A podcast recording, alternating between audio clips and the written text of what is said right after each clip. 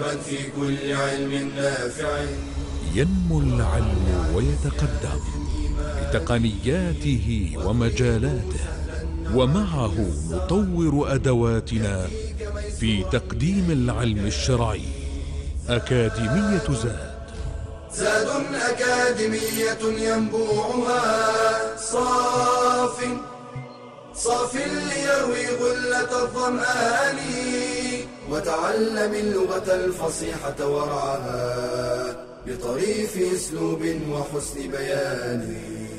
بشرى لنا زاد أكاديمية للعلم كالأزهار في البستان. بسم الله الرحمن الرحيم. الحمد لله رب العالمين والصلاة والسلام على نبينا محمد وعلى آله وأصحابه أجمعين. أما بعد فحياكم الله وبياكم إخوتي المتابعين وأخواتي المتابعات. ونحن في الدرس الثاني من دروس المستوى الثاني في برنامج أكاديمية زاد لمنهج اللغة العربية. وهذا الدرس يعقد في أواخر سنة تسع وثلاثين وأربعمائة وألف في مدينة جدة حفظها الله تعالى. في الدرس السابق توقفنا عند الطريق الثالث وهو الأهم في التفريق بين النكرة والمعرفة. وقلنا إن هذا الطريق يعتمد على حصر على حصر المعارف وحصر النكرات. فكل ما ذكر في المعارف المحصورة فهو معرفة. وكل اسم لم يذكر في المعارف المحصورة فهو نكرة. فلهذا قلنا إن هذا الطريق أفضل الطرق وأدقها في التمييز بين النكرات والمعارف. فتتبع النحويون المعارف فوجدوا أنها ستة أسماء. الأول العلم والثاني الضمير والثالث أسماء الإشارة والرابع الأسماء الموصولة والخامس المعرف بال والسادس المعرف بالإضافة. فهذه ستة أسماء. ما سواها من الأسماء أحكم عليه بالتنكير مطلقا. مطلقا.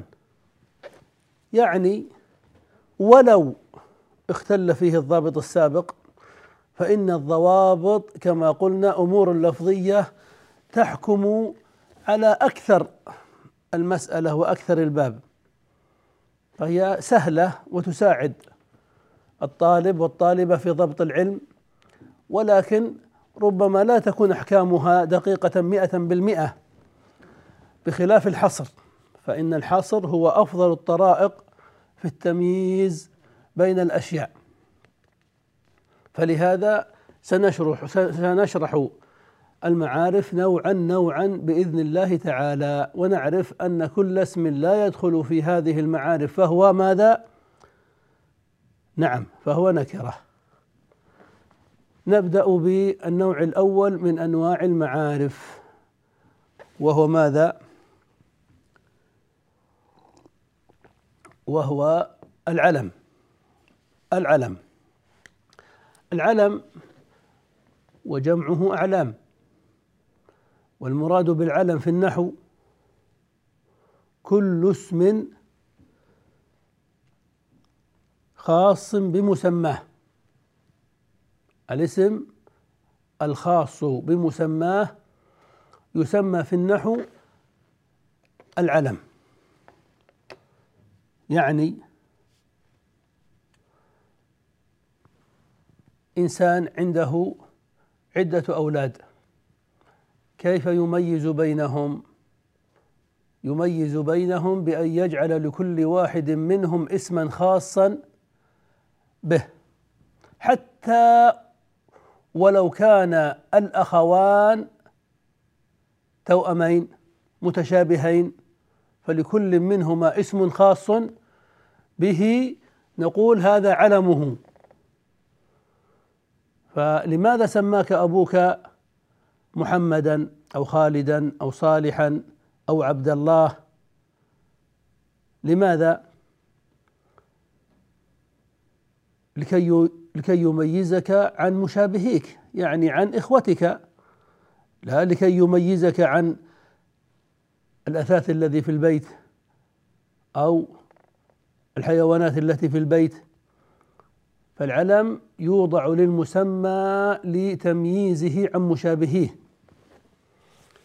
فلو وجد ما يشابهه في كل شيء فإنه لا يطلق عليه هذا الاسم لأن الاسم لأن العلم خاص بمسماه. فلهذا لا يحصل على اسم خاص به على علم إلا الأشياء التي لها مكانة. ومزية فيها شرف. فجميع أسماء الناس ذكورا وإناثا أعلم. فمحمد وعبد الله وعمر وعثمان وعلي أعلام وخديجة وعائشة وفاطمة وزينب وسعاد أعلام. كل أسماء الناس أعلام عليهم لأن البشر أكرم خلق الله سبحانه وتعالى. وكذلك أسماء المدن والدول كلها أعلام عليها. فمكة والمدينة وأبها والقاهرة ودمشق وبغداد وباريس ولندن. أعلام على هذه المدن والسعودية والعراق ومصر والهند وفرنسا. أعلام على هذه الدول هذه أعلام عليها. يعني أسماء خاصة بها. هذه كلها أعلام. طيب لو قلنا مثلا بلد هذا علم أم ليس علما؟ بلد هذا اسم خاص بمسماه أو شائع في أفراد جنسه. يعني كل بلد يسمى بلدا. هذا نكرة. مكة بلد والقاهرة بلد والجزائر بلد. نكرة. لا ليست معرفة ليست علما. طيب لو قلنا كوكب هذا علم؟ لا كل كوكب يسمى كوكبا. هذا شائع في جنسه يعني نكرة. لكن لو قلنا زحل هذا اسم خاص بمسماه أم لا؟ خاص بمسماه. ومسماه كوكب. فزحل علم على هذا الكوكب. جميع أسماء الكواكب أعلام. كعطارد والزهرة وزحل والمشتري. هذه أعلام عليها. أسماء الملائكة عليهم السلام جبريل وميكائيل. أعلام. أسماء الله جل جلاله أعلام عليها. أسماء الله سبحانه وتعالى أعلام عليه. الله والرحمن والعزيز والكريم. هي أعلام وتتضمن ما فيها من صفات. أسماء الأنبياء أعلام. طيب لو قلنا السبت والأحد والاثنين السبت هذا اسم خاص بيوم أو شائع في الأيام اسم خاص بيوم بعد الجمعة وقبل الأحد علم عليه بخلاف يوم فهو نكرة فأسماء الأيام أيضا أعلام عليها. طيب لو قلنا مثلا جمل أو بعير أو ناقة نكرات. نقف الآن عند فاصل ونكمل إن شاء الله بعد الفاصل فانتظرونا بشرى لنا زاد أكاديمية للعلم كالأزهار في البستان.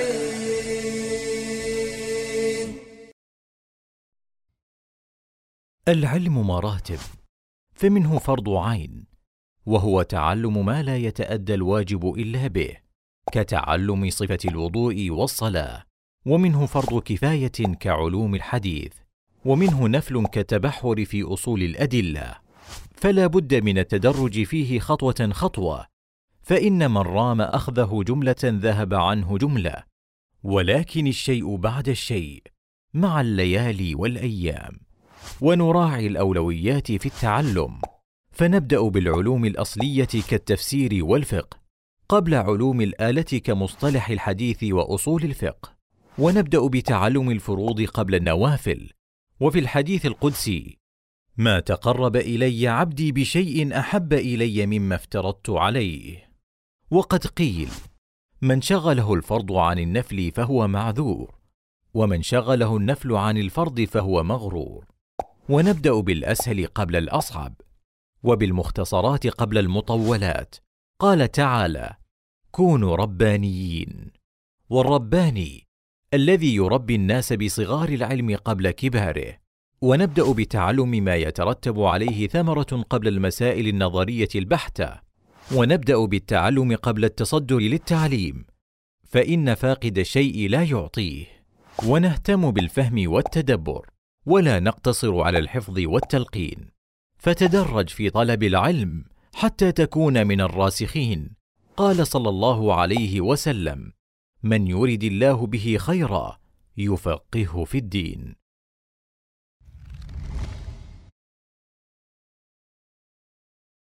بشرى لنا زاد أكاديمية للعلم كالأزهار في البستان. بسم الله الرحمن الرحيم. نكمل ونقول كلمة بعير وناقة وجمل نكرات. كل ناقة تسمى ناقة وكل جمل يسمى جملا. لكن لو قلنا مثلا القصواء هل كل ناقة تسمى القصواء؟ لا لأن القصواء اسم خاص بناقة النبي عليه الصلاة والسلام. فالقصواء اسم علم على هذه الناقة. وكذلك حصان اسم خاص بشيء معين. لا كل حصان يسمى حصانا. لكن مثلا بحر اسمه حصان لبعض الصحابة رضي الله عنهم. هذا اسم خاص بهذا الحصان. علمه. أنت اسمك محمد؟ هذا الحصان اسمه بحر. هذه البنت اسمها هند. هذه الناقة اسمها القصواء. والمتابعون لسباق الهيجن وسباق الخيول يجدون أن كل حصان وكل بعير له اسم خاص به كالناس. لأن هذه الحيوانات عزيزة عند أهلها فجعلوا لها أسماء خاصة بها فهي أعلام عليها. أما الحيوان الذي ليس له يعني مكانه منزلة عند أهله ما يحتاج إلى اسم خاص به. يكتفون بالاسم العام النكرة حصان وناقة وينتهي الأمر عند ذلك. فهذا هو المراد بالعلم. فبعد أن تعرفنا على العلم نريد أن نذكر تقسيم العلم. العلم. العلم ينقسم إلى ثلاثة أقسام. الأول الاسم العلم. والثاني الكنية العلم. والثالث اللقب العلم. أو نقول العلم الاسم والعلم الكنية والعلم اللقب. ويختصرون ذلك ويقولون العلم إما كنية وإما لقب وإما اسم. طيب كلها أسماء لكن مرادهم في ذلك أنه كنية علم أو لقب علم أو اسم علم ليس بكنية ولا لقب. فما المراد بالاسم العلم؟ متى يكون العلم اسما ليس بكنية ولا لقب؟ الاسم العلم هو أول ما يوضع على المسمى. أول علم يطلق على المسمى يكون اسمه العلم. أتاك ولد فأردت أن تميزه وأن تخصصه باسم خاص به فهذا الاسم الذي تطلقه على هذا الولد ذكرا كان أو أنثى هو علمه. أتاك ولد فسميته محمدا أو سميته عبد الله أو سميته أبا بكر. أو سميته المجاهد. هذه أعلام أسماء. اسمه العلم أول ما يطلق عليه أيا كان. وأما الكنية واللقب فإنهما يأتيان بعد الاسم العلم. الكنية واللقب لا يأتيان إلا بعدا. إلا بعد الاسم العلم. فإذا كان الاسم الذي يوضع على المسمى تاليا للاسم العلم نظرنا. فإن كان مبدوءا بأب أو أم أو ابن أو بنت أو أخ أو أخت أو عم أو عمة فهو كنية. وإن لم يكن كذلك فهو لقب. أتاك ولد فسميته أسامة. هذا اسمه العلم. ثم بعد ذلك سميته أبا خالد. هذا الاسم الثاني. ننظر هل هو مبدوء بما ذكر أب أو أم أو ابن أو بنت أو أخ أو أخت؟ أو عم أو عمة أو خال أو خالة. نعم مبدوء بأبي خالد. هذه كنية. ثم سميته بعد ذلك بالمأمون بحيث يكون اسما معروفا له. إذا قلت لأبنائك أين المأمون؟ عرفوا أنك تقصد ابنك هذا. فيكون أيضا اسما خاصا به فهو علم ولكنه ليس مسبوقا ولا مبدوءا بما ذكر فيكون لقبا الخليفة الأول في الإسلام أبو بكر رضي الله عنه. طيب أبو بكر اسمه الأول؟ لا اسمه الأول عبد الله. إذا فاسمه العلم عبد الله.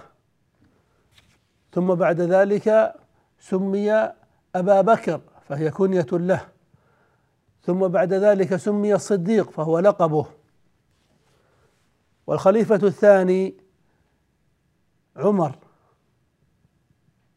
أبو حفص الفاروق رضي الله عنه فعمر اسمه العلم.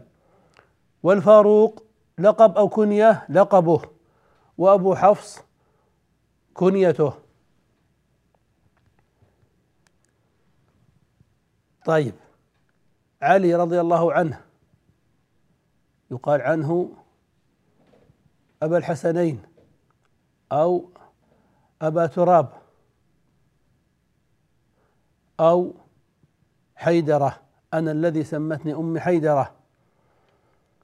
فعلي اسمه العلم وأبو الحسنين أو أبو تراب كنيته وحيدرة لقبه.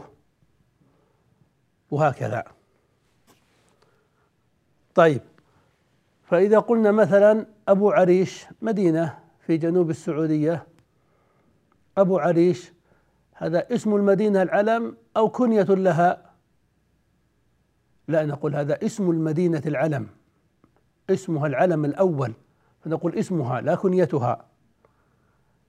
وكذلك مثلا أبو ظبي اسمه العلم. ولو أتاك ولد فسميته أبا بكر وهذا يحدث كثيرا في بعض المناطق.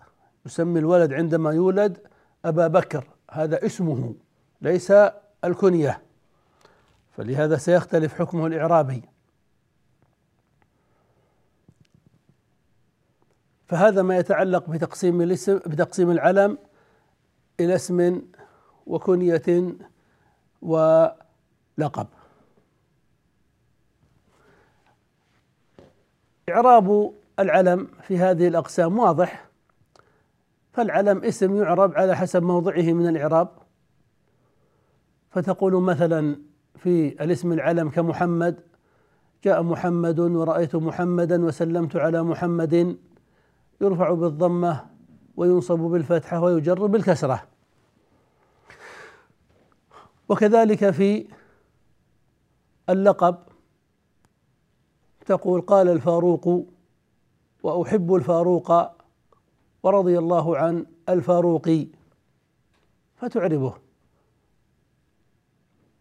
وأما الكنية فإذا كانت مبدوءة بأبي فيدخل في الأسماء الخمسة يرفع بالواو وينصب بالألف ويجر بالياء.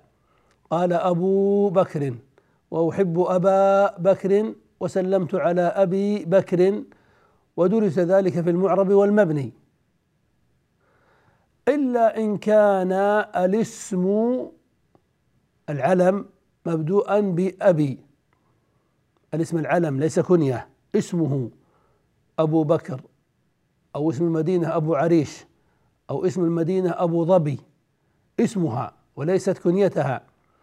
فحينئذ يجوز في فيه الإعراب إعراب الأسماء الخمسة. ويجوز الحكاية أن تحكيه كما هو. ونكمل إن شاء الله هذه النقطة بعد الفاصل. فانتظرونا. بشرى لنا زاد أكاديمية للعلم كالأزهار في البستان.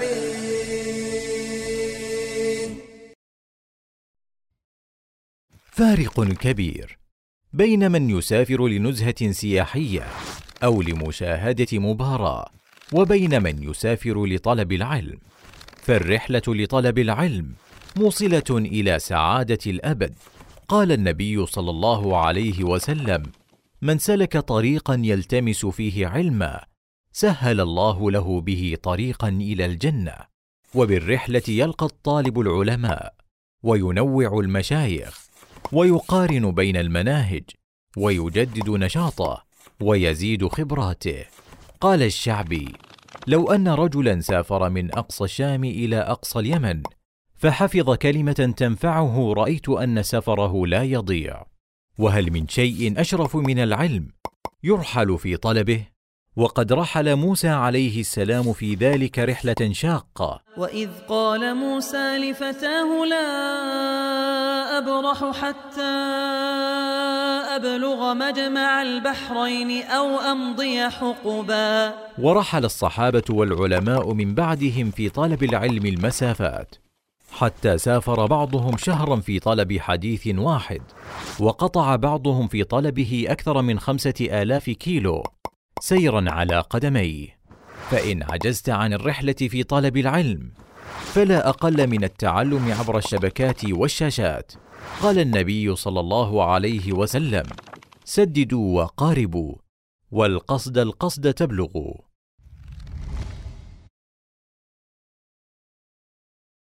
بشرى لنا زاد أكاديمية للعلم كالأزهار في البستان. بسم الله الرحمن الرحيم. فإذا قلنا مثلا هذه أبو عريش هذه مبتدأ وأبو عريش خبر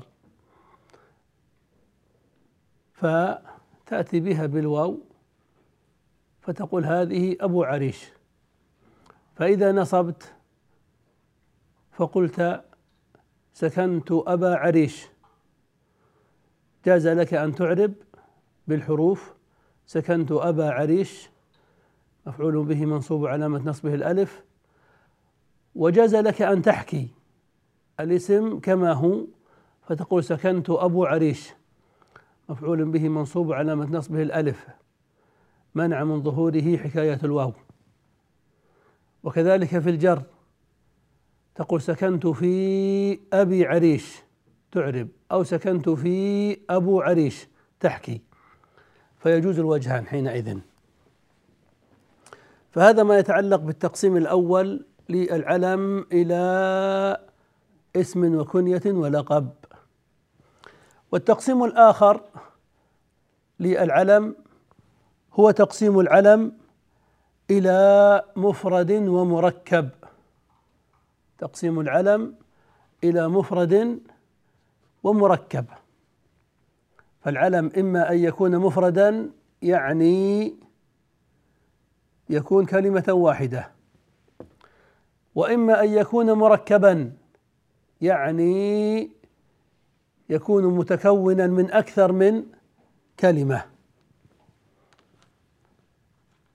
فالعلم المفرد ما كان كلمة واحدة كمحمد والله وعمر ومكة وهكذا. والنوع الثاني من العلم هو العلم المركب وهو المتكون من أكثر من كلمة.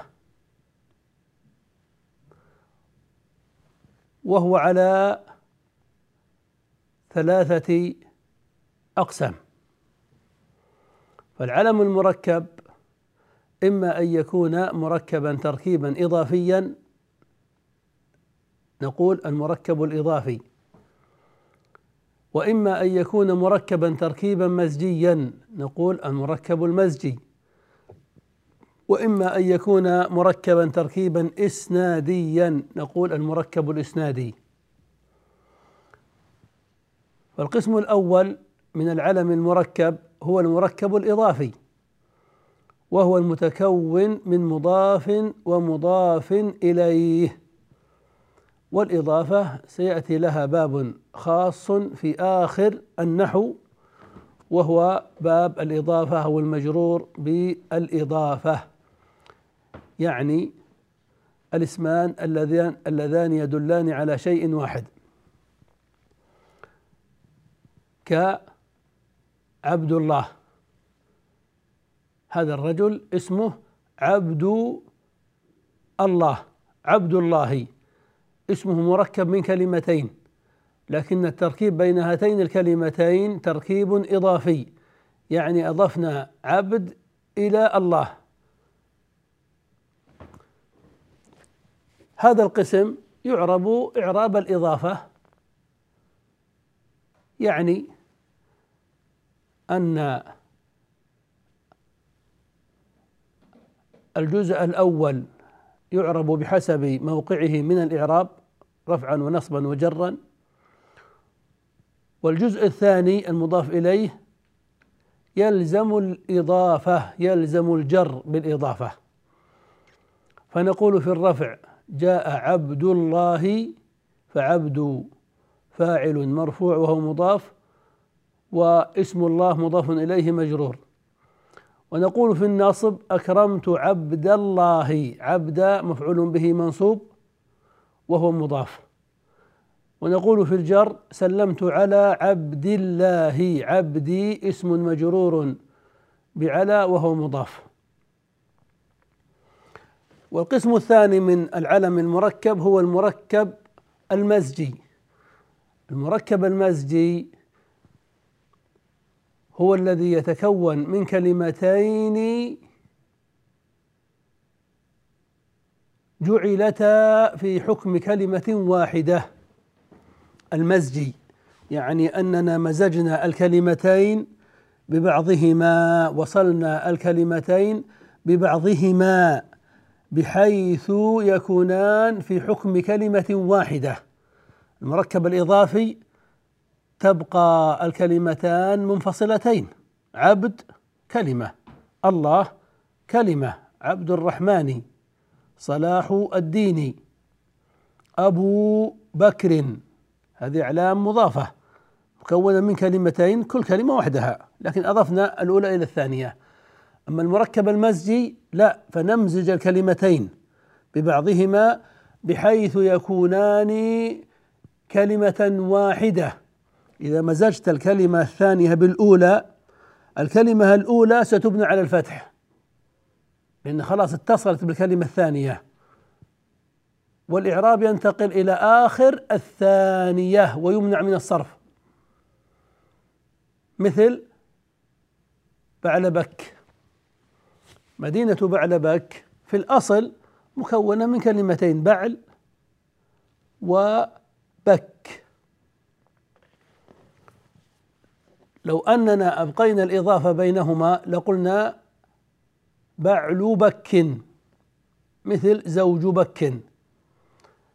إلا أن العرب لم تركبهما تركيبا إضافيا بل ركبتهما تركيبا مزجيا. فقالت بعل بنت الأول على الفتح بكوا نقلت الإعراب للجزء الثاني.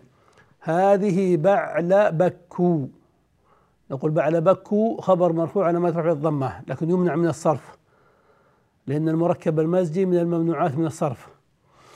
ونقول سكنت بعل بكة مفعول به منصوب على نصب الفتحة.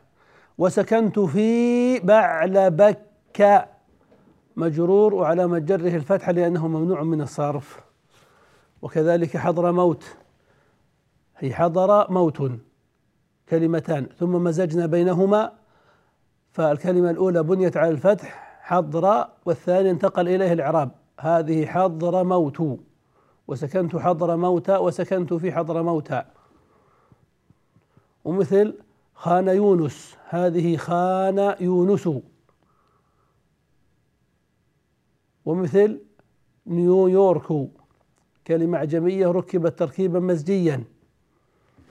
وهكذا. ومن المركب المزجي المختوم بويه كسيبويه مركب من سيب ومن ويه. وخالويه ونفطويه إلا أن المركب المزجي المختوم بويه يبنى على الكسر كما درست في الممنوع كما درست في الأسماء المبنية. أن المختوم بويه يبنى على الكسر دائما. جاء سيبويه أحب سيبويه وسلمت على سيبويه والنوع الثالث من العلم المركب هو المركب المزجي يعني المسمى بجملة اسمية أو فعلية. كأن تسمي رجلا جاء زيد أو تسمي رجلا رأيت عمرا. وهذا جائز في العربية. كما قالت العرب كما سمت العرب رجلا تأبط شرا تأبط فعل ماضي والفاعل هو وشر مفعول به.